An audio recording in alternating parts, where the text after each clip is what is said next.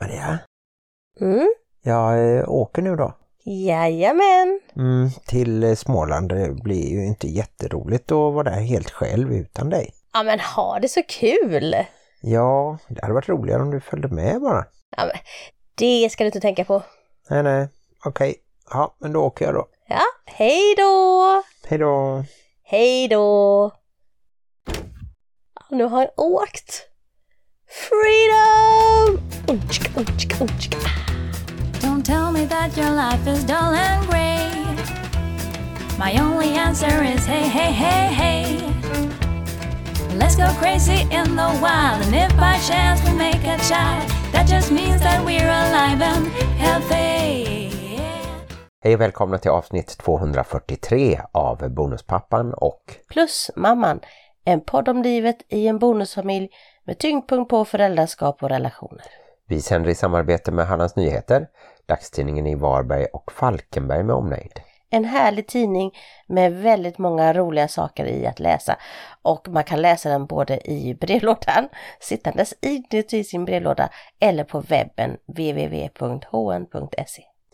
Idag har vi en spännande gäst som heter Ida Jakobsson och som vi hittade via Instagram där hon heter Funkismorsan Bonusmorsan. Det är ju en titel som man inte kan motstå om man är en podd som gillar att prata om bonusfamiljer. Mm. Och hon kommer i detta avsnitt att prata om sin familj där det finns barn med NPF-diagnoser. Ja, och eh, det är ju ett ständigt aktuellt ämne. Det kan ju vara tillräckligt utmanande att leva i en familj där det finns olika diagnoser men att sen då bilda en bonusfamilj av två olika familjer där det kanske finns diagnoser i den ena eller kanske diagnoser i båda och få det att fungera och gå ihop. Det är inte alldeles enkelt. Nej, det har du rätt i. Jag har tänkt eh, ganska mycket på våra barn som vi säger nu under helgen eftersom jag var i sommarstugan i Småland med min pappa och min bror. Ja precis, du övergav mig här hemma med hundar och barn och kaniner och vägglus. Va? Har du hittat någon vägglus? Nej, blomlus var det. Ja just det, ja, men det är inte lika farligt tror jag. Nej, men eh, vad tänkte du då på våra kära barn? Det blir ju lite som en kort eh, veckan som har hänt men jag tänkte på det med särkullsbarn som det heter juridiskt och vad som händer långt in i framtiden när jag och David har ärvt sommarhuset efter våra föräldrar och vi ska lämna vidare det till våra barn. Hur det kan bli då när sju stycken ska dela på ett hus och om någon inte vill vara där och ha ut pengar istället. Hur krångligt det kan vara om de andra då ska på något sätt gå ihop och köpa ut ett av sju barn eller två av sju barn och så vidare. Och här blev jag alldeles exalterad och tänkte att nu har Martin suttit där på altanen och tänkt känslomässiga saker om sina bonusbarn. Men nej, du har tänkt sådana fina juridiska och praktiska saker. Jo, men det är ju speciellt när det gäller arv och bonusfamiljer och egentligen så ärver ju inte mina barn någonting alls om det inte hade varit så att du dog och sen dör jag och så ärver de mig. Ja just det, men om jag testamenterar så att det även om du dör före mig så kan jag ju sen lämna vidare allt jag har till mina bonusbarn eftersom jag inte har några biologiska barn. Jag tycker det är väldigt mycket dödsfall i det här avsnittet. Det känns Ja, det ska det obehagligt. inte bli. Och vi har ju redan pratat om det rent juridiska, det här med att bonusbarn då, som vi kan kalla dem ändå, eftersom de är det, har rätt att få ut halva sin halva direkt. Och om man inte har skrivit någonting så kan de få ut hela sin halva som barnen delar på och så går ju andra halvan då till maken eller makan. Och det kan ju bli komplicerat om man äger ett stort hus till exempel. Att man då måste köpa sin halva av huset för att kunna bo kvar där. För att kunna ge de pengarna då till sin hustrus barn till exempel. Alltså jag försvann bort helt. Jag började tänka på, undrar hur jag dör? Undrar om jag halkar på bryggan och slår i huvudet eller om jag får en så här pianopall i huvudet när vi ska flytta och den liksom faller ner från andra våningen. Men faktiskt så var det så att jag tänkte att det känslomässiga måste få gå före. Så att det inte blir så att pengarna styr när det gäller sommarhuset utan de som faktiskt vill använda det och vill lägga tid på det och även då få liksom ta hand om det, investera lite och måla om kanske och allt sånt där och faktiskt resa dit några gånger per år. Det är ju de som ska få huset. Vad tänkte din pappa om att du planerar massa saker efter hans död? Nej men han eh, sa väl väldigt eh, praktiskt så att eh, det kommer inte att beröra mig och jag vet att ni kommer att kunna ha huset bra tillsammans och, och det räcker för honom egentligen. Han behöver inte tänka på vad som händer då i princip kanske med mina och Davids barnbarn blir det ju till slut som ska ta över det. Men hur blir det då? Tänk om dina och Davids sådana här extraordinära sidor blommar ut som att David är ju mer praktisk och ordningsam och du är inte det. Ja, dels får vi ju se om någon av oss vill köpa ut den andra och vara så att säga ensam ägare till huset. Men jag tror ju att vi kommer att ha det tillsammans och då får jag väl antingen betala lite mer för saker och ting, köpa in någon tjänst eller så får jag ju göra så gott jag kan, måla och sånt där och klippa gräs och enkla saker. Kanske ha högtryckstvätt på takpannorna. Det tror jag att jag kan klara med lite instruktioner. För om vi ska kasta oss tillbaka till Hänt i veckan som vi brukar ha i den här podden så pratar vi lite om våran Hänt i vecka när du var borta och jag var här hemma själv och jag drog fram våran fantastiska gräsklippare som du har lagat med silvertejp och ett plåtburkslock. Ja. Så tänkte jag när jag gick här och klippte att det är lite som att jag leker hus, playing house. Mhm. Det känns inte som att jag är vuxen. Och så tittade jag mig runt omkring och så kom jag att tänka på att ja, men Martin är inte heller riktigt vuxen. Alltså vem ska ta hand om det här huset? Så ska vi ta hand om ett hus till. Jag vet inte om det är i våra stjärnor att göra det. Det får vi se men nu har jag i alla fall lärt mig att lägga i bryggan bland annat och lite andra spännande saker som hur man gör när man lämnar sommarhuset inför vintern och det finns en utetoa som är nummer två där man måste då få ut vattnet och hälla i lite glykol och lufta ut ledningarna och sen hur man då återställer det så att det fungerar på sommaren för att det inte ska frysa i rören och så. Hon bara göra nummer två på nummer två. ja just det, så skulle man kunna ha det. Eller att man har en eh, vuxentoa och en barntoa eller en killtoa och en tjejtoa. En bonustoa och en biologisk toa. Just det, det skulle det också kunna vara. Ja, i alla fall, vi eh, får se vad vi hittar för bra lösning men det viktiga är ju att man inte ärver ett sommarhus och tvingar andra att sälja det bara för att få pengar. Utan det viktiga är ju att det går vidare och används eftersom det har en sån unik placering och aldrig har varit sålt utan det byggdes av min farfar 1943 när pappa var ett år. Usch, det känns som en arvstvist som inte ens har startat än. Nej då, vi kommer lösa det på ett eh, smart och bra sätt. tror du ja. Men i alla fall, veckan som har varit har ju varit väldigt mycket jobb för mig. Jag skulle vara ledig den här veckan för att förra veckan var väldigt mycket jobb för mig. Men plötsligt så var de sjuka på mitt jobb, så att, eller mitt gamla jobb. Så att plötsligt så, när jag var ledig från mitt nya jobb, så spenderade jag hela veckan på mitt gamla jobb. Ja, du är ju lite rolig med det där att när du får ett jobb som rullar på som du nu har på nätterna så tackar du ändå ja till jobb på dagarna. Och så var det lite förra sommaren när du hade ett dagjobb först och sen plötsligt tacka ja till ett kvällsjobb. Så att du åkte ibland och bara hade en timma rast. Jag tycker att du ska vara väldigt glad för den oförmågan som bor hos mig att säga nej. ja, Annars hade vi aldrig blivit ett par Martin. ja, det kan vara sant. Men jag gillar ju mitt jobb som jag hade på dagverksamheten och det skulle jag kunna jobba helt gratis ibland känner jag för att det är mycket glädje. Jag känner mig dels uppskattad och så uppskattar jag också mina kollegor och att få vara på ett ställe där man både känner sig uppskattad och uppskattar omgivningen. Det är inte alla förunnat. Och de uppskattar nog att vara uppskattade av dig. Ja, och de uppskattar att jag uppskattar att de uppskattar mig. Mm, precis. Gillar du puffskyddet förresten till våran eh, mikrofon? Just det, jag tog av det. Martin kör med det lurviga puffskyddet och jag har det släta.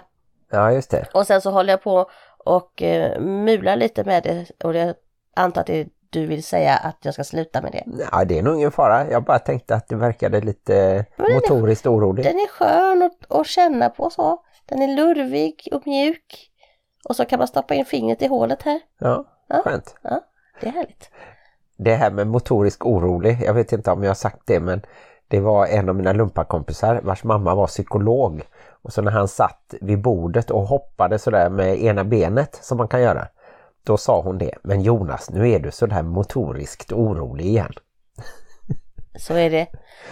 Lite yrkesskadad. Skomakarens barn har det jobbigt, eller vad det heter. Skomakarens barn går med trasiga skor. Är det så? Det Ja. kanske inte hade med det att göra. Psykologens barn är alltid psykopater. Ja, nu tror jag att det är dags att lyssna på vad Ida Jakobsson har att berätta bland annat om sin son som föddes för tidigt.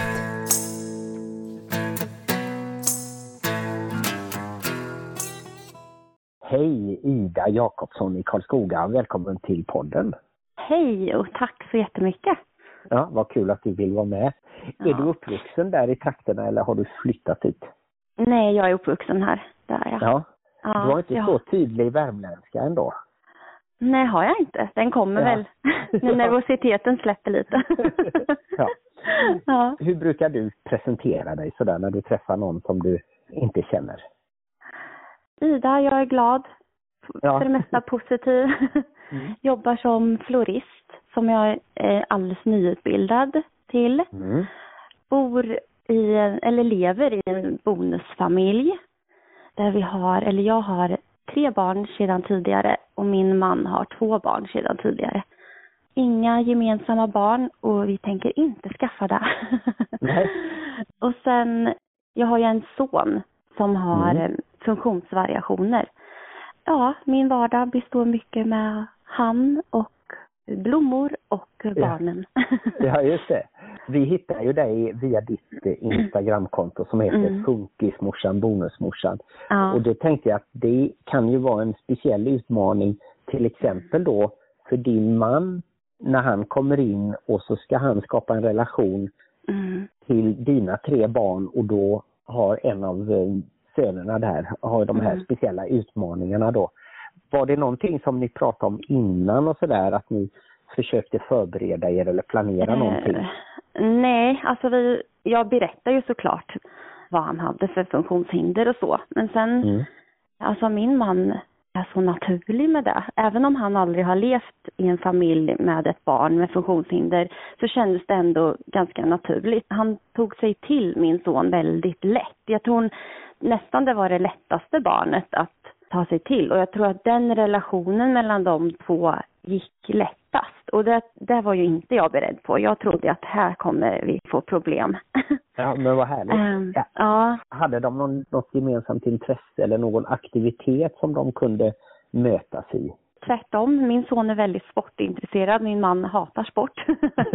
Ja. Nej, jag tror bara att min son är väldigt öppen för nya personer. Han är väldigt Mm. så här, glad och framåt och nyfiken på nya personer. Så jag tror att det var det som hjälpte väldigt mycket. Och att då Mm. min man kände liksom att det här var ju inte så farligt. Men jag vet att Mhm. han var väldigt nervös inför att träffa min son. Och jag vet att han har sagt i efterhand att han inte riktigt visste hur, hur han skulle göra och bete sig och sådär. Men det var inget jag märkte av. Nej, ja, men vad Nej. fint att det blev, eh, blev bra. Och är det Ja. några speciella sådana där situationer som man behöver tänka på då att man behöver hjälpa din son eller man behöver sätta gränser eller vara tydlig på ett annat sätt? Eller hur, hur liksom yttrar det sig rent praktiskt? Ja, min son har ju, han föddes fyra månader för tidigt. Då. Så han har en CP-skada och sen Mm. har han lindrig intellektuell funktionsnedsättning. Förut kallade man ju det för lindrig utvecklingsstörning. Ja, Och sen har han ADHD. Och det på grund av att han föddes för tidigt då. Mm. Så vardagen med han, det är ju väldigt mycket som kretsar kring honom och att lösa liksom situationer och så. Han har personliga assistenter som Mm. hjälper honom i hemmet med så här allt möjligt och det är också en väldigt omställning för min man att komma in liksom i en familj där det helt plötsligt kommer människor utifrån som inte ens hör till familjen Ja, som ska det. vara här och eh, på dagarna med oss och så. Och sen mycket att man ibland inte kan vara så spontan som man kanske skulle vilja. Utan att man få planera upp liksom vardagen. Det är mycket så att vi behöver strukturera upp dagarna. Han vill gärna ha samma rutiner. Äta ganska på lika tider. Sen är, sen är han inte så knörslig med maten utan han gillar allt. Men just det här med vilka tider och sen är lite så här att då är det skoltid, när du kommer hem då ska man göra det här och det här och det här. Att det gärna liksom ja, struktureras upp så att han har koll på dagen vad, vad man ska göra. Och där tror jag min man att det ibland blir lite jobbigt för han.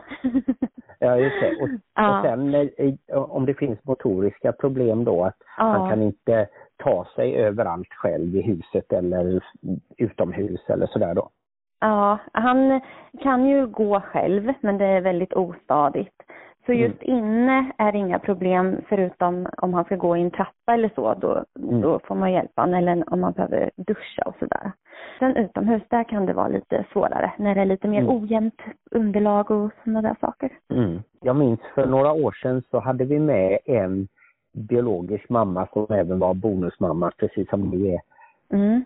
som bodde i Göteborg, Nina Bengtsson. Och en av hennes biologiska döttrar hade just NPF-diagnos och även självskadebeteende. Och jag tror att hon och hennes man upplevde det lite som att de hann inte riktigt med de andra Nej. barnen. Lite så som de hade hoppats. Att det blev att hon kunde inte lära känna sina bonusbarn lika Nej, mycket precis. då eftersom fokus var på dottern först. Och Mm. Så kanske det blir för dig lite också att du måste ju prioritera och då går ju dina tre biologiska barn kanske går först. Ja, precis. Just men- att sonen tar mycket tid och så.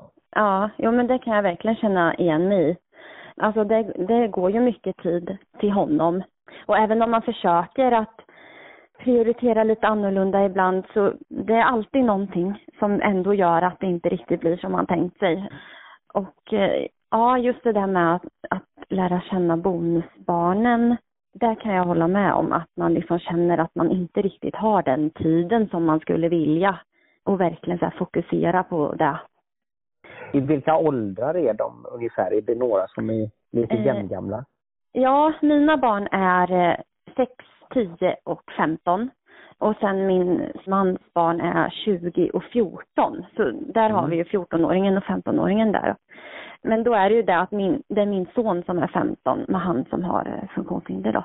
Eh, Ja, så just det. de möts ju inte riktigt på samma nivå där heller tyvärr. Utan det Nej. blir, ja det känns som mina barn är mycket yngre. Ja just det, för det är klart att det blir ju mer din sexåring, en 20-åring blir ju mer som en extra vuxen eh, som Ja, möjligtvis kan precis. hjälpa till och, och passa eller, eller lite sådär men eh, det blir också en annorlunda situation eh, förstås. Ja, ja När det blir skiljer ju så många år. Ja, precis. Mm. Ja, som du säger, det blir mer en extra vuxen än en, Mm. en, en syskonkänsla så. Mm. Mm. Hur lång tid tog det mellan att ni träffades till att ni flyttade ihop? Och Frida vågar knappt säga. så här i efterhand, då, då vet jag att vi flyttade ihop alldeles för snabbt. Men där och Ja. då, då var man så kär och bara kände att det här kommer funka. Mm, mm. Det tog fem månader bara innan vi flyttade ihop. Men det är inte så ovanligt och vi flyttade Nej. ihop också då efter ett halvår ungefär. Ja. Och även om jag inte hade barn med mig in då så Mm. har jag eh, hört av många det att just det här när man ger sig in i en bonusfamilj att allting går nästan mycket snabbare. Att man så att säga flyttar ihop, man kanske förlovar sig snabbare och gifter Ja. sig. Om, om man vill gifta sig så, så gör man det inom ett par år istället för att Ja. kanske vänta fem, tio år. Så, Ja, precis. det, det är ganska spännande att eh, allting eh, är lite uppspeedat eh, i en Ja. bonusfamilj med relationer och med vardagslivet och sådär. Ja, och jag tänker när, när du säger det, då tänker jag så här, för mig så mycket tror jag handlar om att man så gärna ville känna sig en, som en del. Ja, Mm. att vi verkligen skulle känna oss som en familj. Vilket jag nu så här fem år senare har förstått att det tar ju tid. och jag tror det är först nu jag verkligen så här börjar känna det. Att nu börjar vi bli en familj. Nu har alla lite så här hittat sina platser. Vi känner varandra ja, ganska bra i alla fall. Mm. Men där och då, då ja, det enda jag tänkte det var ju, vi flyttar ihop, vi, kom, vi ska bli en familj och jag hade väldigt mycket det här tänket kärnfamilj. Jag hade ju Mm. levt i en kärnfamilj innan och jag förstod inte alls att det var skillnad. Jag tänkte ju att nej men det är ju samma sak så det här blir, det här kommer ju gå så bra. Ja. Ja, och inte så här tanke på heller med, ja, men med min son där och till exempel min mans eh, dotter. Att eh, det var här vart ju nytt för henne med, att liksom få ett bonussyskon som har speciella behov. Just och att hon kanske behövde få tid att eh, eh, ja, men lära känna honom, förstå liksom hur det funkar lite och, och jag tänkte inte alls så, för det här var, det, var- det här var ju min vardag. Jag var ju, Mm. Man är så inne i sitt liksom och jag tänker ju att det här är inga problem. Så, så där tror jag med har tagit tid liksom att, Mm. för henne att också så här förstå och, och så. Och det är många experter som säger att det tar mellan fem och sju år. Och vi Ja, är inne på, Mm. på vårt sjunde år här nu. Mm. Men det är ja, sex år sedan vi flyttade ihop så att vi börjar landa lite också. Men det är ju eh, det är mycket att, att tänka på eh, och, och just också Mm. att dina bonusbarn får ju liksom förhålla sig lite till assistenterna då också. Ja. Och att det, att det också kan vara ovant att man inte Mm. känner sig kanske helt avslappnad i början innan man lär känna och har man tur så att det kommer samma personer ungefär Ja, så, så blir de en liten del av eh, familjen. Men Ja. har ni de, delat upp ansvaret på något sätt så lite att ni prioriterar era biologiska barn först då eller är det mer att, ni, att en av er har tvätt och en har lite mer köket och en har sådär? Ja, alltså lite har vi väl delat upp. Jag har väl alltid känt ja, som bonusmamma att jag inte vill komma in och ta någon mammaroll. För jag känner Mm. så att mina bonusbarn, de har mammor. Eh, Ja. Men däremot så tycker jag att det har varit det här med att man måste ändå, det här är mitt hem, jag måste ändå ha gränser och regler. Där har det varit, men det är lite svårt tycker jag att Mm. att då, för då blir helt plötsligt i, i deras ögon blir jag då, att jag ska vara mamma och bestämma fast det inte är menat så. Så där var det lite svårt. Men sen min man, han har haft det ganska lätt tycker jag. Om man jämför. alltså mina barn, det känns som de har så här älskat honom från första stund. Sen vet jag att han har, alltså det är klart att han har känt utmaningar och att det är lite svårt att veta hur man ska göra och även om man har barn sedan tidigare, men när det inte är ens egna barn liksom så. Men, nej, men vi har väl lite, han lagar mat hemma, jag tvättar. Ja. och sen försöker vi väl, ja, jag är liksom mamma, ja, först och främst till mina barn, han är pappa till sina. Och sen försöker vi väl komma överens om vad vi tycker är viktigt i våran familj som ska vara liksom gemensamt så. Just det. Och har ni varannan veckas liv sådär eller är det vissa Ja. barn som bor heltid? Nej, vi har varannan vecka för det mesta. Sen är det lite perioder med vissa barn, eh, ja, att de vill vara lite mera här Mm. kanske, eller lite mera hos den andra föräldern. Men i Mm. grund och botten så är det liksom varannan, så det är ju det. Mm. Och, då. och deras andra föräldrar bor hyfsat nära då så att de Ja, behöver inte resa iväg eh, så långt då. Nej. Det, det är ju också en fördel. Och de Ja. kanske har fått bonusföräldrar och bonussyskon i sina andra familjer också lite så att de, Ja, precis. Då vänjer de sig kanske lite på ett sätt där också. Ja, ja men så är det. Det så Mm. för alla tror jag. Ja. Mm. Hur blev det? Flyttade ni ihop till något helt nytt? Eller var det någon som flyttade in hos den andra? Ja, jag flyttade in hos min man. Och det var ju också lite speciellt. Ja, det, det finns ju Att fördelar och nackdelar kanske. Men, ja, men det, Mm. det gör väl att det tar lite tid också så att innan Mm. man känner att detta är mitt hem också. Så. ja. Jag kan ju säga att vi har ju renoverat om ungefär hela huset. Ja. Så jag har fått satt min prägel på det också. Eller vi har satt våran gemensamma prägel. Ja. Så att man verkligen Ja, känner att det är vi. Men det, var också, det tog också tid att vänja sig och flytta in Mm. hos någon där de har bott. Ja, som en kärnfamilj innan oss och haft, ja, Ja, ja men liksom sina rutiner och sådär. Så det var också en omställning för alla tror jag faktiskt. Mm. Men gör man om lite så kanske man får bort lite av de eh, minnena så att det ändå känns som eh, en, en nystart. Ja, men just den här känslan att jag är väldigt så här, det är vi, det är han och jag, vi är, Mm. nu är det vi. Så Mm. den känslan har jag haft väldigt länge. Och bara av att få ja, men ändra om lite, göra om lite hemma, så har jag ändå känt att nu har han och jag tagit det här beslutet, till Mm. exempel att måla den här väggen. Ja men då helt plötsligt känns det lite lättare eller ja men Mm. så. Så med tiden så har det ju, nu känner jag att det här är mitt hem lika mycket som deras. Mm. Mm. Blir veckorna väldigt olika för er då när ni är Mm.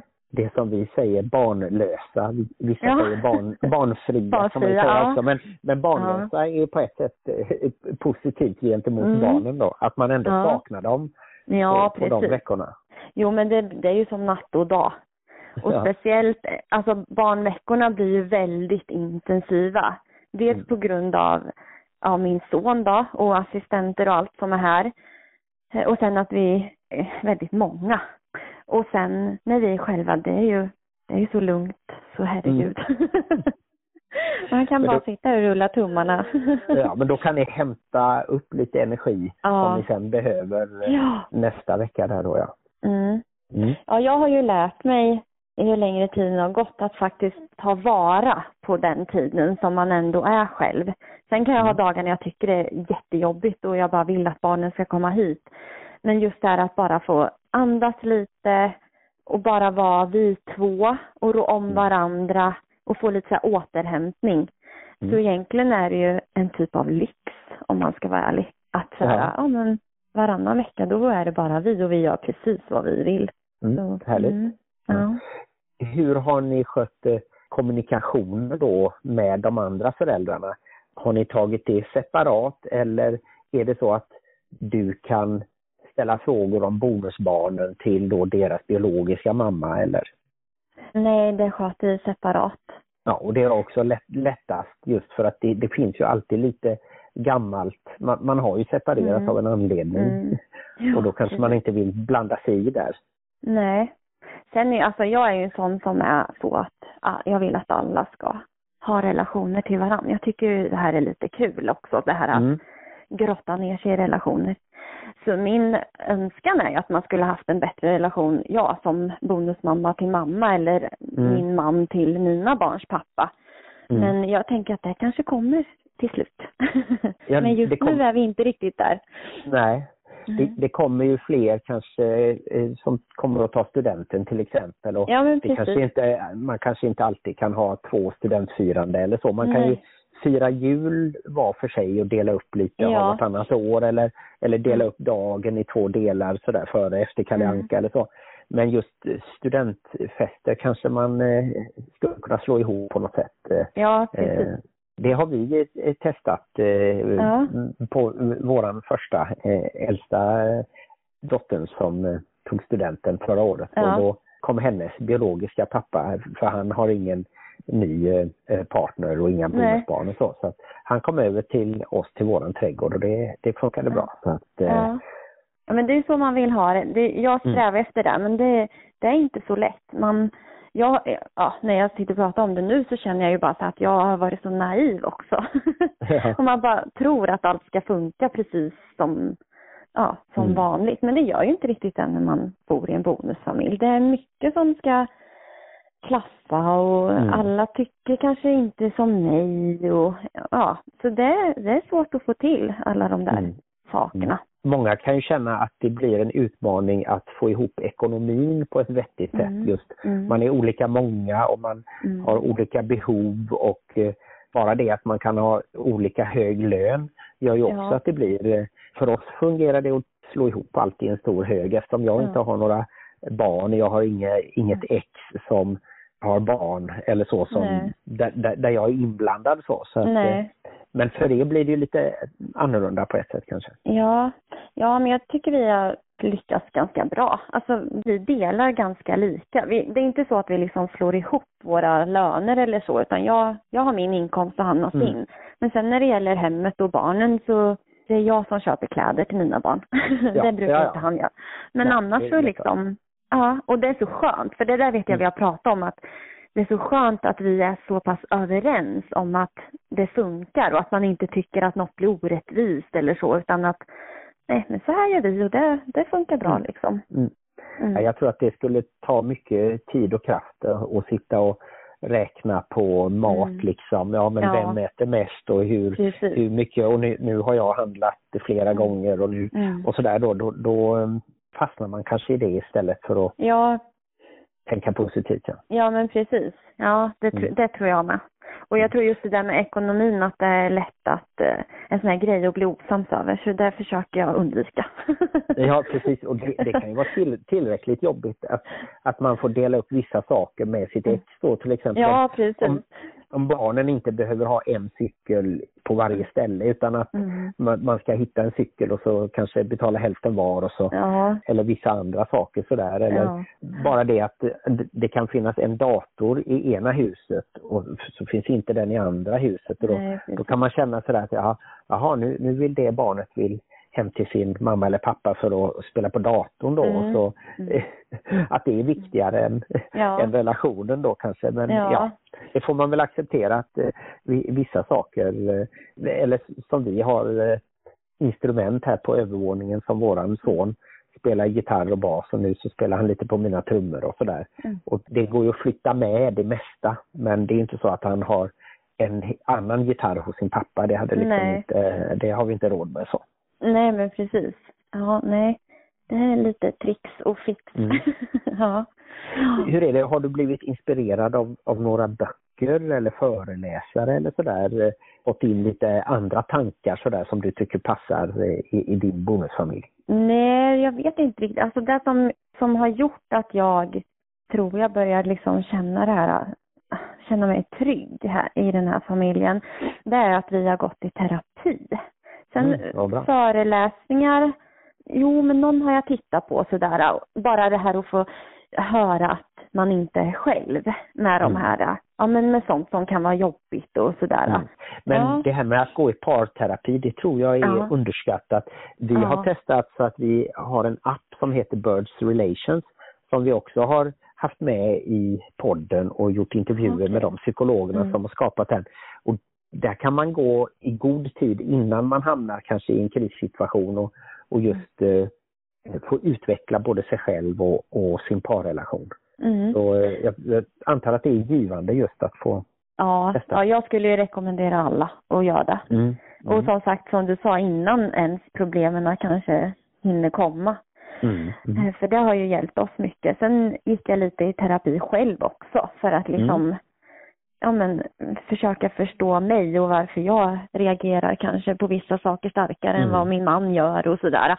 Så det Ja. har ju hjälpt oss väldigt mycket. Och sen tiden. Jag tror, jag Ja. tror mycket handlar om att man bara ska försöka låta tiden ha sin gång. Det, det Mm. blir bättre med tiden Mm. faktiskt. Mm. Hur var det, hade du någon erfarenhet av att leva i bonusfamilj som liten? Ja, men min pappa var ganska frånvarande så jag, jag har nog aldrig liksom tänkt att jag levde i en bonusfamilj utan min bonuspappa blev min pappa. Så att eh, Aha. jag, jag har ju liksom aldrig tänkt riktigt så. För det var inte Eh. varannan vecka så? Utan Nej, bodde... utan jag bodde hos min mamma och Mm. min bonuspappa och så med syskon då. Och sen Just åkte jag till min biologiska pappa någon gång ibland bara. Ja. Men däremot så har jag ju förstått nu att mycket av det här speglar in på hur, hur man är nu. Alltså så, även om jag inte riktigt har tänkt att jag levde i en bonusfamilj när jag var liten, så har jag ändå förstått kanske varför jag reagerar på vissa saker nu i våran bonusfamilj. Varför jag tycker att det är så himla viktigt att vi måste känna oss som en familj. Ja. en kärnfamilj då, fast ja, fast Ja, man inte är det och så. Så jag har väl ändå präglats av det, även om jag Ja. inte som sagt har, har tänkt så, att jag faktiskt levde i en bonusfamilj när jag var liten. Mm. Mm. Ja, men det är ju spännande. Var det så att din bonuspappa, hade han barn innan eller fick han och din mamma nya Ja, barn? han och min mamma dina? fick två barn, ja. Mm, mm. Och så hade jag en helsyster. Mm. Ja, Ja. Så ni Ehm. två eh, var, var äldst och sen så var det Ja. ett litet ho- hopp ner till era eh, småsyskon. Men då kände ni väl att de var era syskon på samma sätt kanske? Mm, Eller kän- ja. kändes det som att eran bonuspappa var annorlunda mot dem? Nej, inte alls. Utan jag har ju känt alltid, ja men att han har ju varit min pappa lika mycket som han var deras pappa. Det var liksom Ja. ingen skillnad. Så det är jättefint. Ja, ja. att han ändå kunde hålla upp det. Ja, och nu är ju han morfar då ja, till, till dina barn. eh, Då. Ja. De kanske har två morfar även om Ja. det blir ju kanske din bonuspappa som är på ett Mm. sätt närmast då. Ja, men Mm. så är det ju. Sen har de ju även deras biologiska morfar och även Ja. där fick jag ju syskon. Och de har jag in, även om jag inte träffar pappa så ofta så har ändå, alltså jag har alltid känt dem. Alltså så här, alla mina syskon, de är mina helsyskon. Det är så jag Ja. alltid har tänkt. Däremot träffar jag ju inte dem så ofta. Men nu när jag Det blir lite mer som kusiner kanske. Ja, precis. Men Ehm. lite, lite, lite annorlunda. Men det, det är klart Mm. att man då kan eh, leva ett halvt liv eller man kan leva eh, eh, 20 år kanske utan att reflektera riktigt över det. Mm. Och sen när man själv är med i en bonusfamilj då Mm. kan det dyka upp och, och Ja, det kan ju vara som du säger nyttigt att eh, identifiera det eller- eller förstå Mm. att, ja, men det, att, att du kanske har en, en starkare önskan just om att, Mm. att, att det ska kännas som en, en, kärnfamilj då. Ja, precis. Mm. jo, det tror jag. Mm. Har du något tips eh, sådär till, till våra lyssnare? Något, eh, något litet knep eller någonting du har eh, upptäckt som du kan skicka vidare som, Ja. som fungerar?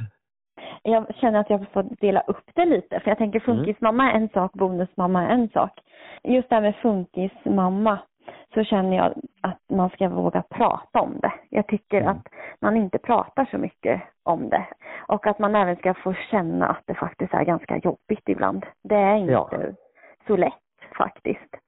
Och att det är vanligt. Det är ju väldigt Mm. vanligt med Ja. diagnoser nu. Ja. Och det tror jag också att det är bra att man får reda på det tidigt och att man kan Mm. hjälpa barnen för att många då, vi säger när jag växte upp på 70-talet och 80-talet så Mm. det var nog många som ansågs vara, ja men han eller hon, de, de är så stökiga eller de, de kan Ja, inte precis. koncentrera sig eller de Ja. kan inte, och de kunde få en stämpel då som eh, att de störde i klassen Ja, i skolan eller sådär. precis. Trots att det var inte deras fel för då, då hade de en diagnos kanske. Ja, ja men precis. Och så tycker jag att det är lite fortfarande. Ja. Eller om det sitter i mig, jag vet inte riktigt. Men jag kan ju känna ibland att åh vad jobbigt den här situationen blev. För nu tror de att mitt barn är ouppfostrat här. Eller ja men liksom Ja, sådär. Och det, det, sådana situationer kan ju vara lite jobbiga. Mm. Mm. Och sen också att man vågar be om hjälp om man tycker att det blir Ja, jobbigt. just det. så. Ja. Mm. Mm. Eh, sen bonusfamilj. Jag trodde ju aldrig att jag skulle säga det här, alltså för bara ett halvår sedan. Men det blir ju bättre med tiden. Mm. Och sen tror jag också det här att man faktiskt ska försöka acceptera det man inte kan styra över. Men sen Mm. vet jag att det är alltså skitsvårt rent ut sagt. Ja. Men försöka för att till slut så kommer, alltså när man börjar acceptera det, då tror jag det är lättare att liksom bli mer lugn och trygg kanske i sig själv. Att man inte behöver vara med och, och styra i allting som händer utan acceptera liksom att okej det där, om det är något om min bonusdotter, att det sköter min man med hennes mamma och de får Mm. lösa det. Jag behöver inte ta det problemet på mig. Sen kan jag stötta honom i, i sådana situationer om det uppstår. Men att bara försöka acceptera att här kan inte jag så här vara med och styra utan det här måste de lösa. Mm. Ja. Nej, men det blir ju så, olika barn i olika åldrar behöver olika stöttning och, Ja. och sådär. Ja. Och, och man kan hamna i många intressanta situationer. Och Mm. Jag är ju sådär så att jag kanske ibland för mycket vill ge mig in och, och hjälpa till för jag tror ju då eh, dumt nog ofta att jag har den bästa lösningen. Ja, inte ja, men jag är likadan. Ja, och så tänker Ja. jag, så här, kan så här kan ni väl göra. Ja. Och, och då får Maria få säga åt mig och backa liksom. Och lite. Men också lite det där också att man kanske får acceptera att kärleken till ett bonusbarn och kärleken till ett biologiskt barn, att det är olika slags kärlek. Ja. Och det är samma som att jag älskar ju min fru på ett helt annat sätt än vad jag älskar Mm. min bror till exempel. Ja, Vi, jag, jag älskar båda men det är ju helt andra slags eh, kärlekar och, och, och så. Mm. Och, och Mm. nu har jag inga biologiska barn så jag kan inte jämföra men många säger det till oss att Ja. men det- det, det får man acceptera och det, Mm. det vet ju barnen också att de kan älska dig på ett sätt men det är klart att deras biologiska föräldrar de, de ligger alltid före. Det kan vara svårt att man som bonusförälder kanske tycker att man ger väldigt mycket och att man inte får lika mycket tillbaka. Ja. Men, men så kan det vara för biologiska föräldrar också. I, Ja. i vissa, jag menar tonåringar, de, de ska ju börja bryta sig ut och, Ja, och starta precis. sitt eget liv. Så att det, då får man passa på de gångerna när de kommer och vill ha en kram eller, Ja. eller, eller vill ha ett råd. När, Ja. när det är något så. Ja, nej men jag håller med i det du säger och just det där att em, kärleken faktiskt är lite annorlunda. Och det behöver inte betyda att man inte tycker om sitt bonusbarn men det är, det är inte riktigt samma. Och sen tänker jag också att bonusbarnet, för det blir, ja det är ju inte i våra fall hon som har valt mig. Det är hennes pappa som har valt mig. Så jag känner att barnen blir också lite så här påtvingade relationer också. Så ja, nej men det, det är svårt alltså. Det är det.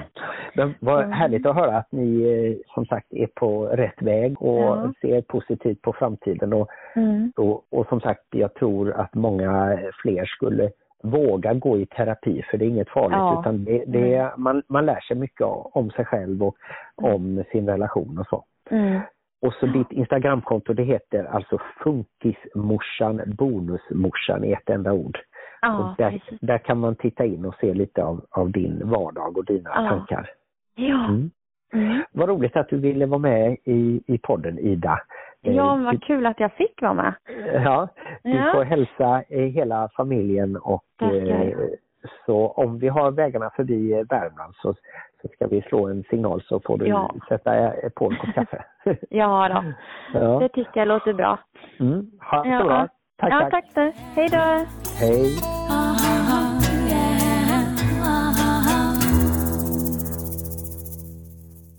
Ja, då tackar vi Ida Jakobsson som alltså har Instagramkontot Funkismorsan Bonusmorsan. In och följ henne allihopa. Jag tycker det är så intressant det här med att prata funkis. För att det finns ju dels så många olika funktionsvariationer och dessutom så är ju de olika funktionsvariationerna också varierande.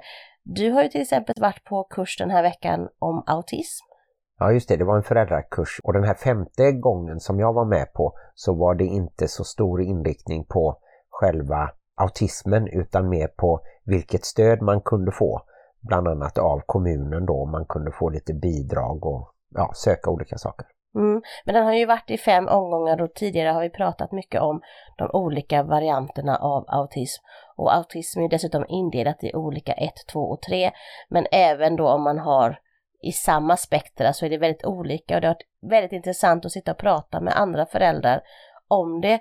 På något sätt så känns det som att det finns ett stort behov av att prata om det och att vi fortfarande i dessa öppna tider kanske har svårt att öppna upp oss för varandra och prata om hur jobbigt det kan vara och hur mycket man kämpar ibland så bara biter man ihop hemma och gråter i kudden. Men jag tycker att vi ska börja ännu mer att prata, alltså om fråga varandra, hur mår ni, hur har ni det, vad kan vi hjälpa till med och sådär.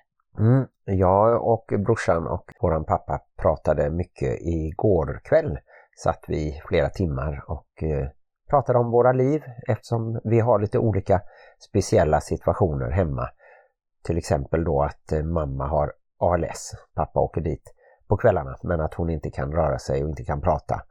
Ja, att prata är väldigt bra. Jag, det är härligt att höra att ni faktiskt tre män sitter och pratar. Jag har ju sagt förr att jag kanske är lite fördomsfull, att just män har svårt att öppna upp sig om känsligare ämnen, men ni är väldigt bra på det vet jag och ni är föredöme för era barn faktiskt, att våga prata om känsliga ämnen. Mm, jag hoppas det. Sen apropå autism och NPF-diagnoser så tycker jag att ju mer jag lär mig desto mer kan jag se även hos vuxna personer och kanske även hos mig tendenser till att ja men det där liknar ju nästan en diagnos. Att jag vill samla på saker till exempel eller att jag vill ha saker på ett speciellt sätt. Det finns ju en liten Asperger-vibb på det, eller autism 1 då. Ja, och men man måste faktiskt nämna då att det är ju inte bara en diagnos utan det är ju någonting i hjärnan, det är en NPF-diagnos, neuropsykiatrisk funktionsvariation eller funktionsnedsättning som man kan säga. Så det kan vara lite känsla på att säga, ja men jag, nu håller jag på och dampar eller nu eh, är jag lite Asperger. Det är inte bara någonting som man ska slänga sig med utan det är ju faktiskt någonting i hjärnan som fungerar annorlunda. Kanske också något som förstärker någonting som de flesta människor redan har. Som du pratar om, att samla saker och sånt. Det gjorde vi ju när vi var på tundran för tusentals år sedan. Nu bara chansar jag för att jag kan inte det men men då hade ju samlandet en funktion. Och andra saker också som har en funktion. Men när det liksom löper amok så blir det ju en svårighet och en funktionsnedsättning. Och det är ju då vi kan prata om regelrätta NPF-diagnoser. Mm. Nej, och jag tycker inte heller att man ska slänga sig med det på det sättet så, men jag kan ändå se tendenser även hos personer som inte har fått en diagnos och som kanske inte skulle få en diagnos. Jag tror till exempel om jag blev undersökt så skulle jag ju inte få en faktisk diagnos. Om du blev undersökt så skulle de starta ett eget institut för att ja. undersöka varför du är så konstig som du är så skulle de desikera dig och eh, få Nobelpriset. Vi får se, det kommer nog aldrig att hända men jag tycker i alla fall att det är intressant och att det förhoppningsvis kan öka förståelsen för andras beteende. Vi är ju alla olika och det går ju inte att tänka så att alla ska anpassa sig efter vad jag trivs med. Nej, och om vi ska bolla tillbaka till det här med bonusfamiljer så tänker jag att det är jätteviktigt att man faktiskt inte faller in i att bara tänka att ett barn är jobbigt eller att ett barn är bråkigt och ouppfostrat utan att alla barn kämpar på och gör så gott de kan. Och det kan vara ju små saker som man själv tycker, men hur kan den inte tänka runt det här? Som i vår familj till exempel så blev det en väldigt liten förändring. Ett av barnen skulle iväg till sin pappa och äta tårta och så bestämdes det att det skulle bli en annan tid. Då blev det att det barnet faktiskt inte åkte iväg och åt tårta just för att det blir så svårt att ändra om mm. tanken där. Och det kan vara väldigt svårt att förstå om man inte är insatt i hur vissa diagnoser fungerar. Så kunskap, läs på, gå gärna en kurs, kommunen har kurs och även du som bonusförälder var ju välkommen att gå kursen. Ja. Så det hoppas jag att så är det på andra ställen i Sverige också. Och det finns ju säkert kurser om andra diagnoser också. Annars så finns det ju internet och böcker. Man ska väl sålla lite på internet kanske men det finns väldigt mycket klokhet där också. Så slå hål på vissa jobbiga känslor och tankar genom att lyfta kunskapens välvässade svärd. Mm. Ja, vad fint. Nu så ska jag säga att eh, för mig så har veckans High and Low varit eh, den här utflykten till Vetlanda och sommarstugan för att dels så saknar jag dig och eh, kunde inte riktigt kommunicera eftersom jag var så upptagen med annat och jag tänkte att det hade nog varit bra att jag var hemma och hjälpte till lite och sådär.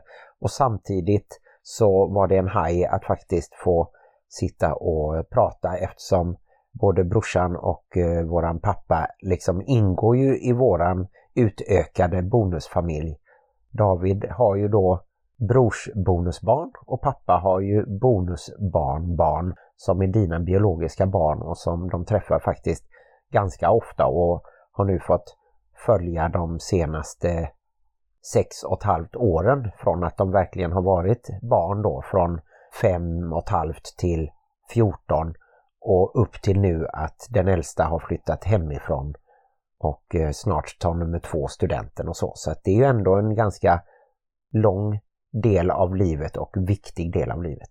Mm.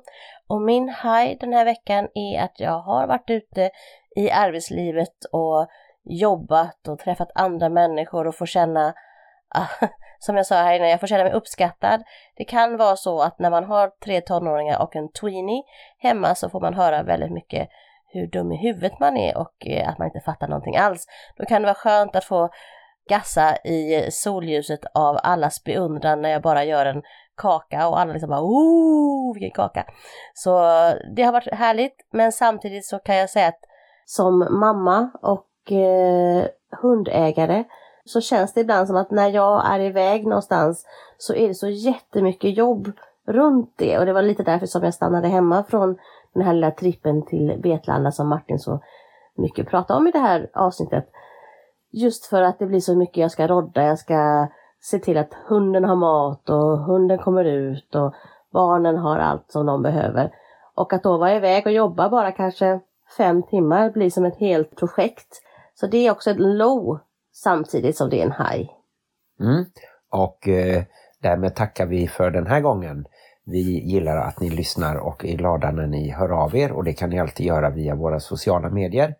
Om ni går in på Facebook eller Instagram så hittar ni oss där, Bonuspappan och Plusmamman. Och vill ni mejla så har vi en väldigt lång och fin mejladress. Nämligen bonuspappan.plusmamman gmail.com Ni får gärna tipsa om ämnen som vi kan prata om eller personer som vi kan intervjua. Glöm inte att livet i bonusfamiljen kan vara besvärligt. Men ibland åker mannen bort och det är härligt! Hej då! Men jag saknade dig faktiskt. Mm. Jag grät en liten skvätt också. Ja, I så din vara. så här, va, tänk om det hade varit så här, Martin hade inte funnits. Ja, Det är nyttigt att vara ifrån varandra. det kan det nog vara. Vi kanske måste vara ifrån varandra ännu mer. Jag kan tänka mig att åka iväg på en så här två veckors solsemester. Själv. Ja, precis. Så kan du stanna hemma och ta hand om allting. Vet du vad jag ska göra nu? Nej? Nu ska jag hämta minstingen Ja, vad härligt. som faktiskt har varit borta hela helgen. Har du tänkt på det? Ja, det har också varit lite sorgligt och lite härligt att inte behöva bråka med en tweenie hela Mm. tiden. Men eh, jag kom på det att vi har inte nämnt det i podden, att hon har varit hos sin pappa i den här veckan. Nej, men nu har vi nämnt det. Ja, vad härligt. Då kan vi ju sluta podden. Och så kan ni också räkna hur många gånger jag säger härligt i ett avsnitt och skicka in det till oss. Hej då!